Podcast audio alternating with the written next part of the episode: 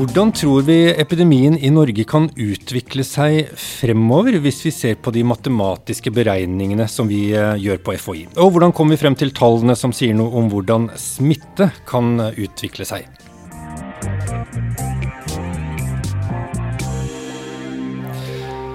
Velkommen til en eh, folkehelsepod som handler om modellering, altså utregninger eller beregninger av hvordan folk oppfører seg, rett og slett, og hva slags betydning det har for smittespredning og sykehusinnleggelse. Eh, jeg heter Kjetil Berg Veire, og med meg her i studio har jeg seniorforsker, kjernefysiker og modellerer Jørgen Eriksson Midtbø ved FHI. Velkommen. Tusen takk. Og uh, Du nevnte i går at uh, det kunne hende at du kom litt for sent til den podkasten her, for du måtte, du måtte, levere sønnen din i barnehage. og Akkurat det var litt vanskelig å predikere uh, nøyaktig hva slags utfall det ville få på oppmøtetidspunktet. Ja, jeg tror jeg tulla med deg og sa at det er vanskelig å predikere folks atferd framover i tid, og særlig barn. og det er jo en en slags parafrasering av det vi gjentar og gjentar i disse modelleringsrapportene våre, eh, som vi kommer med. Hvor, eh, hvor vi dessverre sliter med det at vi kan ikke forutsi folks oppførsel. Eh, eller kanskje ikke, dessverre. Kanskje det er bra. Men det er i hvert fall en utfordring når vi prøver å modellere smitte. Eh, for smitte er jo tett kobla til hvordan folk oppfører seg, og hvor mange som møtes, og hvor stor risiko de tar når de møtes. Ja. Ikke sammenhenger. Eh, så fordi det er det dere gjør, ikke sant? Dere prøver å matematisk beregne hvordan folks oppførsel slår ut på ja, smittespredning i det tilfellet her, da? Ja. Det vi, eh, det vi, har, det er en matematisk modell. Eh, en matematisk modell vil si at vi, vi, gjør en simulering av Norge, på en måte. Vi har en ganske kompleks, et komplekst oppsett hvor vi, eh, hvor vi har en befolkning som er like stor som Norges befolkning. 5,3 millioner omtrent? Ja, omtrent det. Eh, og, og, den har vi plassert ut eh, etter geografi som tilsvarer Norge, eh, ned på et sånt eh, veldig detaljert nivå som heter grunnkrets. Og så tar vi hensyn til hvem som bor sammen, altså statistisk sett hvordan en husholdning ser ut. Hvor mange voksne og barn du har, og hvor gamle barna er, og, og, de, og de voksne osv. Og, og hvor folk jobber og bor, og, og, mange andre ting. Og så, når vi har dette på plass, så, så kjører vi da en simulering hvor du har et virus uh, eller en, sånt patogen som sprer seg i, uh, i denne befolkningen, og sprer seg da ved kontaktsmitte. Altså at man, noen har møttes, og dermed uh, har det, hvis den ene da var smitta og smitteførende, så har du en viss risiko for at den nye personen smittes. Da. Så, så, i den modellen her så, så er det uh, inni datamaskinene, som da er, antageligvis er ganske store? ja, de, de, datamaskinene er store. Vi har uh, tilgang heldigvis til Norges største datamaskiner. Såkalte uh, superdatamaskiner, um, som det fins en håndfull av i Norge, som brukes til forskningsformål. Ja. Så vi kjører på en maskin som står i Trondheim, som heter, på NTNU, som heter Fram. Eh, og der, har de eh, universitetsmiljøene som drifter den for, eh, for, Norge, de har vært så greie og gitt FHI og oss en forkjørsrett på den datamaskinen. Siden vi har ofte veldig presserende ting som haster. Så det er nok ganske unikt at vi har, lov, vi har reservert en, en, stor del av den datamaskinen. Ja. Så vi har uh, ganske mange tusen CPU-kjerner, som heter, uh, som står til disposisjon for oss. Så, så, så, inni den datamaskinen så er det da dere som jobber med modellering som leker Gud og bestemmer eh, Og inni den maskinen går folk på skole og barnehage, de drar på jobb, mm. drar på tvers av uh, kommunegrensene, ja. uh, besøker svigermor. Ja. Uh, går på fylla? ja. Eller hvor, hvor, langt klarer dere å predikere menneskelig oppførsel? ja, nei, vi sliter jo litt med det. det vil si, problemet med en sånn modell er at du kan gjøre den i teorien uendelig komplisert. ikke sant? Du kunne simulert Kjetil og Jørgen som to spesifikke individer, og vi var akkurat så gamle og bodde akkurat der, og, og var i snitt uh, ute på restaurant så mange ganger i, uh, i måneden osv. Men vi, vi, gjør det litt mer grovkorna enn det, uh, av mange grunner. Altså det, er, det, er, det, viser seg også at det kan være bra nok. Så vi har en um, altså, å, å, gå på fylla, for å si det sånn, og, og det er jo relevant nå som det har vært alkoholskjenkeforbud. Ja. Eh, det modellerer vi som at altså, vi ser på en, en, endring, en reduksjon i den effektive liksom, smittehastigheten eller smittetakta i befolkninga. Ved, ved skjenkestopp? Da, ja, vi har en erfaring med at det reduserer smittetrykket noe, eller smitteraten noe. Altså Gjennomsnittet av dette, eller la oss si dette R-tallet, hvor mange som i snitt smittes av en som er smitta. Mm. Og det går noe ned når man innfører sånne tiltak. Om det er fordi altså om modellen Modellen vet ikke at, at, det er fordi det har vært innført alkoholforbud, f.eks. Men, men vi, vi, studerer jo da det som kommer ut av modellen, og så skrur vi på antakelsene våre til det som kommer ut av modellen, ser ut til å passe med de dataene vi sitter på. Og, og, for, og for å gjøre det, så baserer dere da på, på, data fra forrige gang f.eks. For det var skjenkestopp, da, bare for å ta det eksempelet, og se på hva, hva, som var effekten da, sammen med de andre tiltakene samtidig, går jeg ut ifra? Ja, det er ja. En, av, en, av, tingene vi gjør, absolutt. Mm. Uh, vi, uh, det kommer litt an på hvilken situasjon vi er i. da, når, Du kan si tidlig da omikron, uh, da omikron kom fram nå, før jul, da visste vi lite. og vi hadde, Da hadde jo ikke omikron rukket å spre seg i Norge. Mm. Og vi hadde i hvert fall ikke rukket å teste så veldig mange. så Vi visste veldig lite om hvor fort dette spredte seg i Norge. Så da måtte vi se tilbake på tid tidligere erfaringer. Da. Okay, vi vet at da vi, Norge ble gjenåpna 25.9, så, så modellerte vi liksom, Da studerte vi, fulgte vi med på dataene kan du si, før og etter, og, modell, og kjørte modellen. Og fant ut sånn cirka hvor mye endring i kontaktraten det svarte til. For eksempel, mm. Da har vi en viss idé da, sant, om at ja, hvis du innfører en sånn tiltakspakke, så kan det gi et utslag i denne størrelsesordenen på smittetrykk. Mm. Mm.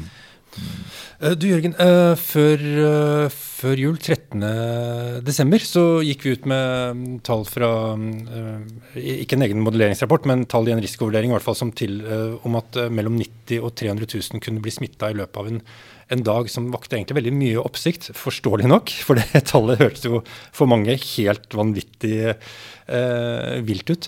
Men hvordan, hvordan gikk dere fram når dere fant frem til det tallet, og hvor hvor riktig anser dere det tallet for å ha vært av, på bakgrunn av den informasjonen dere hadde den gangen? Ja, eh, det var jo en, eh, var en situasjon hvor vi måtte, vi måtte komme med noe raskt. Det var viktig for beslutningstakerne og myndighetene å, å få en indikasjon på eh, hvor dette kunne bære. Så det var en øvelse i å Da er man avhengig av, eh, av å ha litt fingerspitzgefühl med sånne modeller. Men da brukte vi, eller det var en kollega av meg som primært gjorde den jobben, han brukte en, en enklere modell enn den, eh, den, som jeg beskrev nå, hvor vi simulerer alle disse eh, befolkningene i detalj. Så er det en, en enklere, raskere modell hvor han gjorde noen sånne educated guesses, for å si det sånn. Mm. Som, som, absolutt ikke var gjetninger, men, men som var det slags, det du må gjøre da, er at du må sitte og vurdere internasjonale studier. så du er avhengig av at du følger med sant, på det, hvordan har dette gått i Sør-Afrika så langt. og Det begynte vel på det tidspunktet kanskje å komme litt fram i Storbritannia, tror jeg. Mm. Sånn at man har en viss erfaring. Eh, og, så, og, så, må man bruke erfaring med, med tidligere runder modellering eh, i Norge. Og så eh, må man ta hensyn til en sånn føre var-tenkning. at man, altså det, som, det er en forferdelig vanskelig balansegang der. fordi at på den ene siden så skal vi ikke komme med skremmescenarioer som vi ikke tror er realistiske. Men samtidig så er vi nødt til å ikke underestimere risikoen som dette kunne komme med. Eh, men eh, vi antok vi gjorde noen antakelser for denne doblingstiden til omikron. altså sprednings, Hvor fort dette spredte seg og sånn. Og, og, dette tallet var det som kom ut av det. Og det, det, det ligger også i tallets natur. 90 000-300 000 er et veldig stort spenn. Mm. Og det var også viktig for oss at vi kommuniserte hele spennet. At vi ikke kom ut med et sånt gjennomsnittstall f.eks. med bare ett punktestimat, men at vi prøvde å understreke at dette er veldig usikkert. Men mm. hvis vi ikke innfører tiltak, som jo var premisset for det i den modellen, uh, hvis det ikke gjøres noe for å endre smitteraten, som vi hadde på det tidspunktet i befolkninga, så kan dette skje.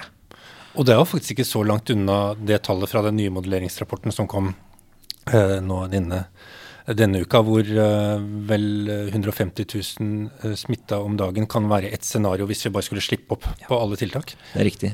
Uh, så det, for, det, for, det, da vi gjorde etter den 13.12, var at vi satte i gang og, og, eh, gikk løs på denne kompliserte modellen vår, som tar mye lengre tid å sette opp og, og gjøre riktig. Mm. Være, det, det, bruker vi lengre tid på, men da har vi kommet ut med to modelleringsrapporter. Etter det med den, med den mer kompliserte modellen. Uh, og, der har vi da det vi publiserte uh, nå i går, 12.1, uh, så har vi gjort noen sånne kontrafaktiske scenarioer modellert av hvordan kunne dette gått hvis vi ikke hadde hvis ikke kontaktraten hadde endra seg, hvis ikke smitteraten hadde gått ned. Mm.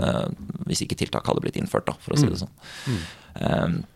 og, og, ja, da ser vi at uh, modellen finner at, at, man kunne fått uh, opp mot en topp på 150 000 daglige smitta.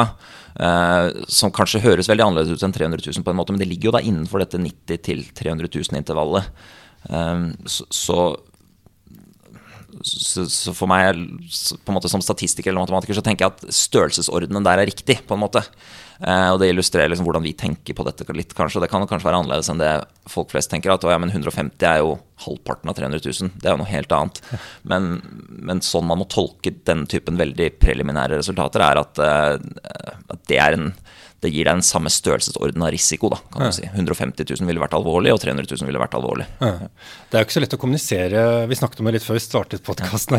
Jeg jobber jo med kommunikasjon da, på FHI, men det er jo ikke så lett å kommunisere med dette med tall heller. fordi hvis du går ut med et tall, så, er det jo, så oppfatter jo eh, Eller jeg har et inntrykk av at folk oppfatter det tallet som med en gang vi sier et tall, så oppfattes det som noe definitivt. Uavhengig av hvor utrolig mange forbehold og hvor tydelig vi prøver å være på, på hvor stor usikkerhet som er det tallet er behefta med. Da. Det er noe med folks oppfattelse av tall, kanskje? Ja, jeg tror du har rett i det. Og, og der har kanskje vi i modelleringsgruppa litt sånn eh, en ulempe i det at vi er jo tross alt profesjonelle på det med tall. Da. Eh, vi, driver, vi driver med det hver dag og, har mye trening i Så vi har kanskje lært oss til tall betyr noe litt annet enn det som jeg har stor respekt for at det mm. betyr for, for, for, de som ikke jobber med tall hver dag på den måten. Um, fordi at når man driver med statistikk, som jo er en stor del av det her, vi ser på data og tolker data og putter data inn, og data har alltid en usikkerhet, og det er liksom den statistiske usikkerheten. Mm.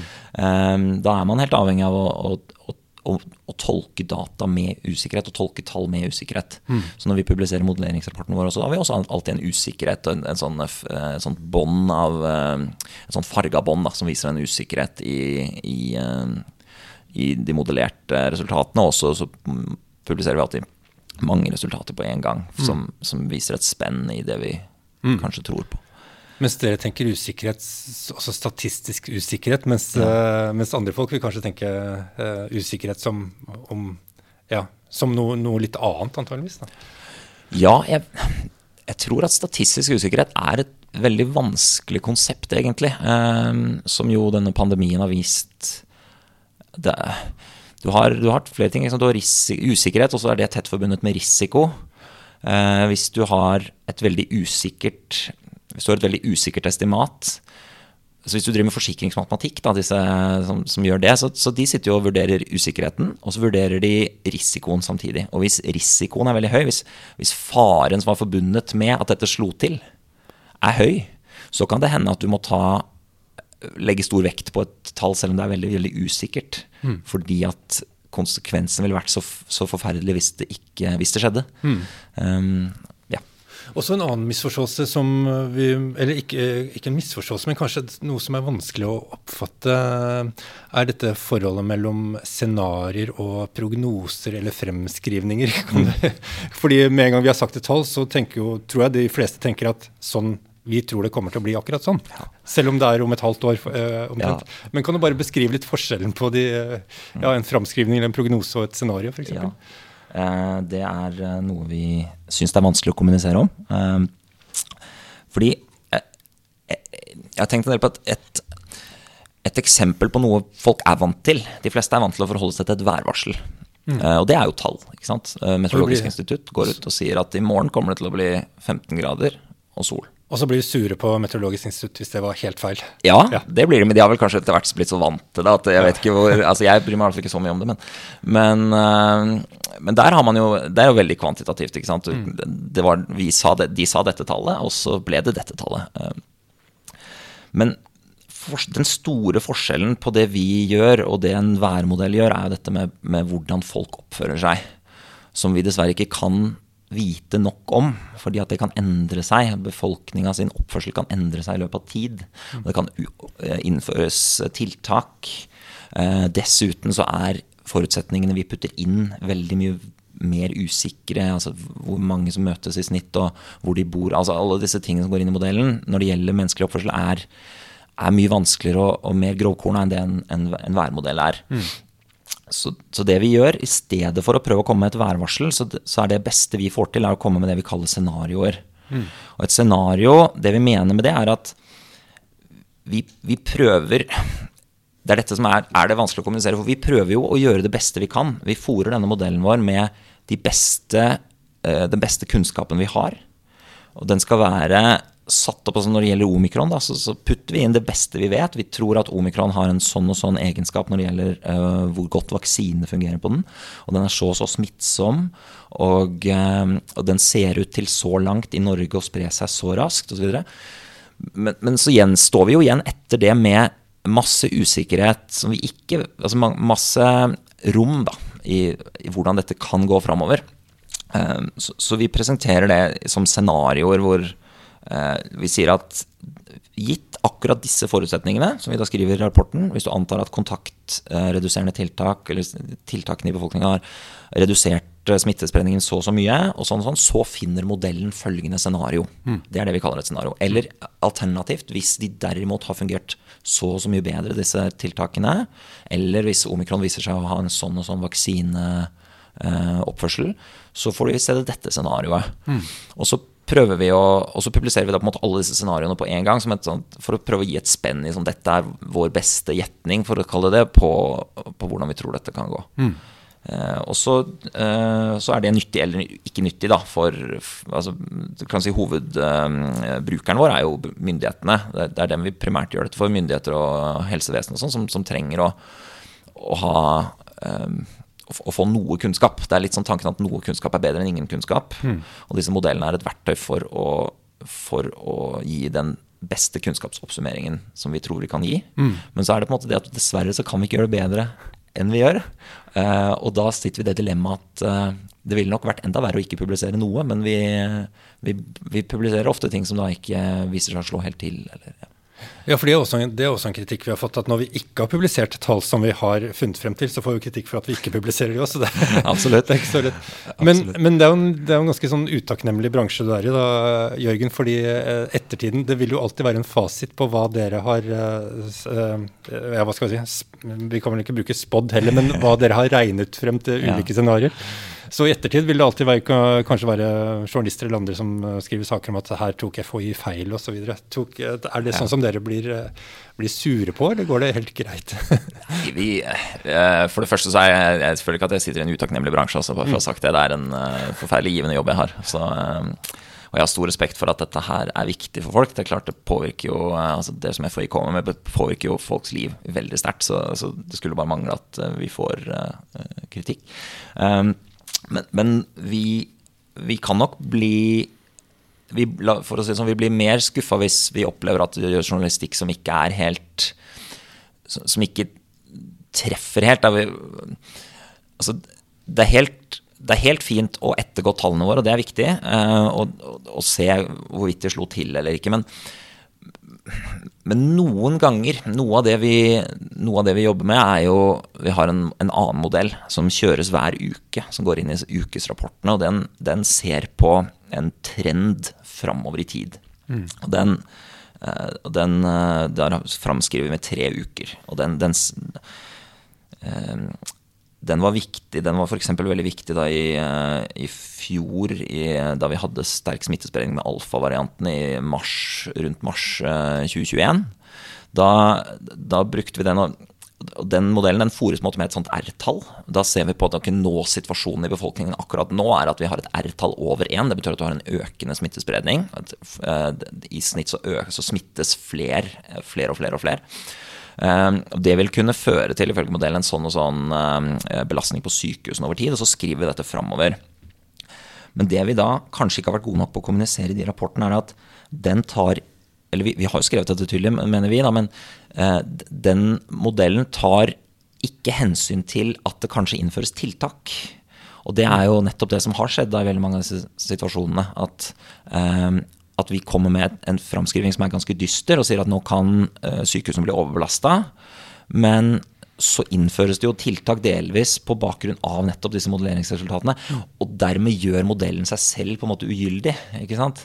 Fordi at poenget med den var å framskrive hva som kunne skjedd hvis det ikke innførte tiltak. Så ble det innført tiltak. Og hvis du da etterpå går og sammenligner Å ja, men FHI tok jo feil. Fordi at det som faktisk skjedde, var jo ikke i nærheten av det modellen sa. Da kan det hende vi blir litt skuffa, for det var på en måte hele poenget. at Så da, da, er det litt frustrasjon inni, det inni Kan det bli, ja. ja.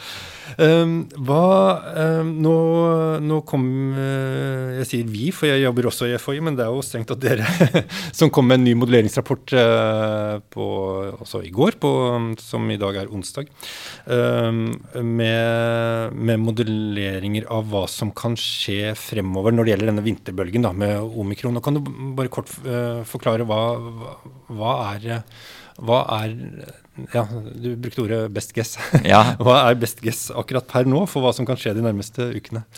Ja, ehm, den eh, oppdaterte rapporten, den, der har vi da prøvd å snevre inn så mye vi kan eh, med de dataene vi har og, den eh, erfaringa vi har fått med omikron i Norge så langt.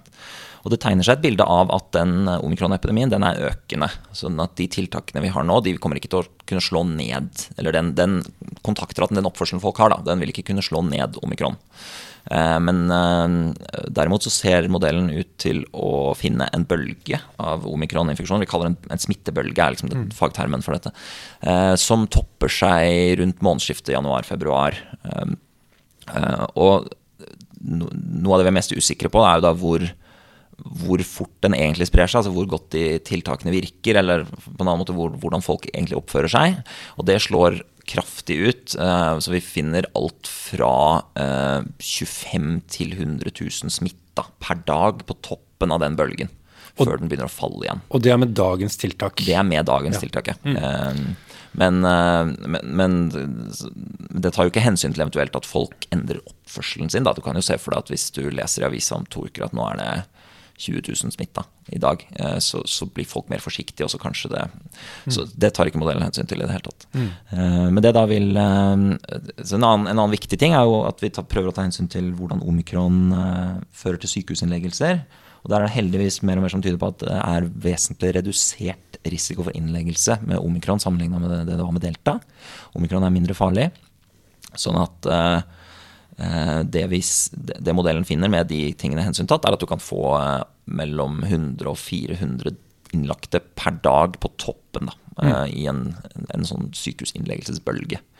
Så, uh, men, men, der er det mye som er usikkert fordi vi ikke vet så mye om hvor lenge pasienter med omikron ligger på sykehus, og, og, og, sånne ting, og hvordan dette egentlig vil slå ut i Norge. fordi eh, sykehusinnleggelsesrisiko er veldig tett forbundet med alder, og Norge har en annen alderssammensetning enn andre land. Altså, altså det, er, det, er, alltid vanskelig med sånne ting. men men modellen finner i hvert fall det. da. Mm. Eh, så 100 til 400 er også igjen et stort spenn. Altså, ja, absolutt.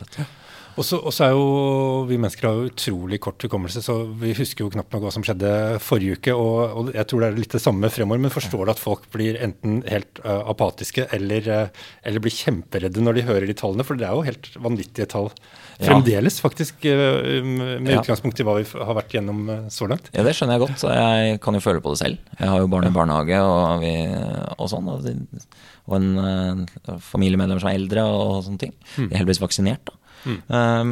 men uh, jeg, jeg, tror at altså For meg, nå snakker jeg bare rent personlig. Altså jeg er ikke med i disse strategidiskusjonene for hvordan vi skal, hvordan vi skal uh, tenke på dette framover. Men, men uh, FHIs risikovurdering, som kom samtidig med vår modelleringsrapport i går, så, så ble det jo påpekt det, som modellen også finner, at, at omikron er en måte å bygge immunitet mot koronavirus på i befolkningen også.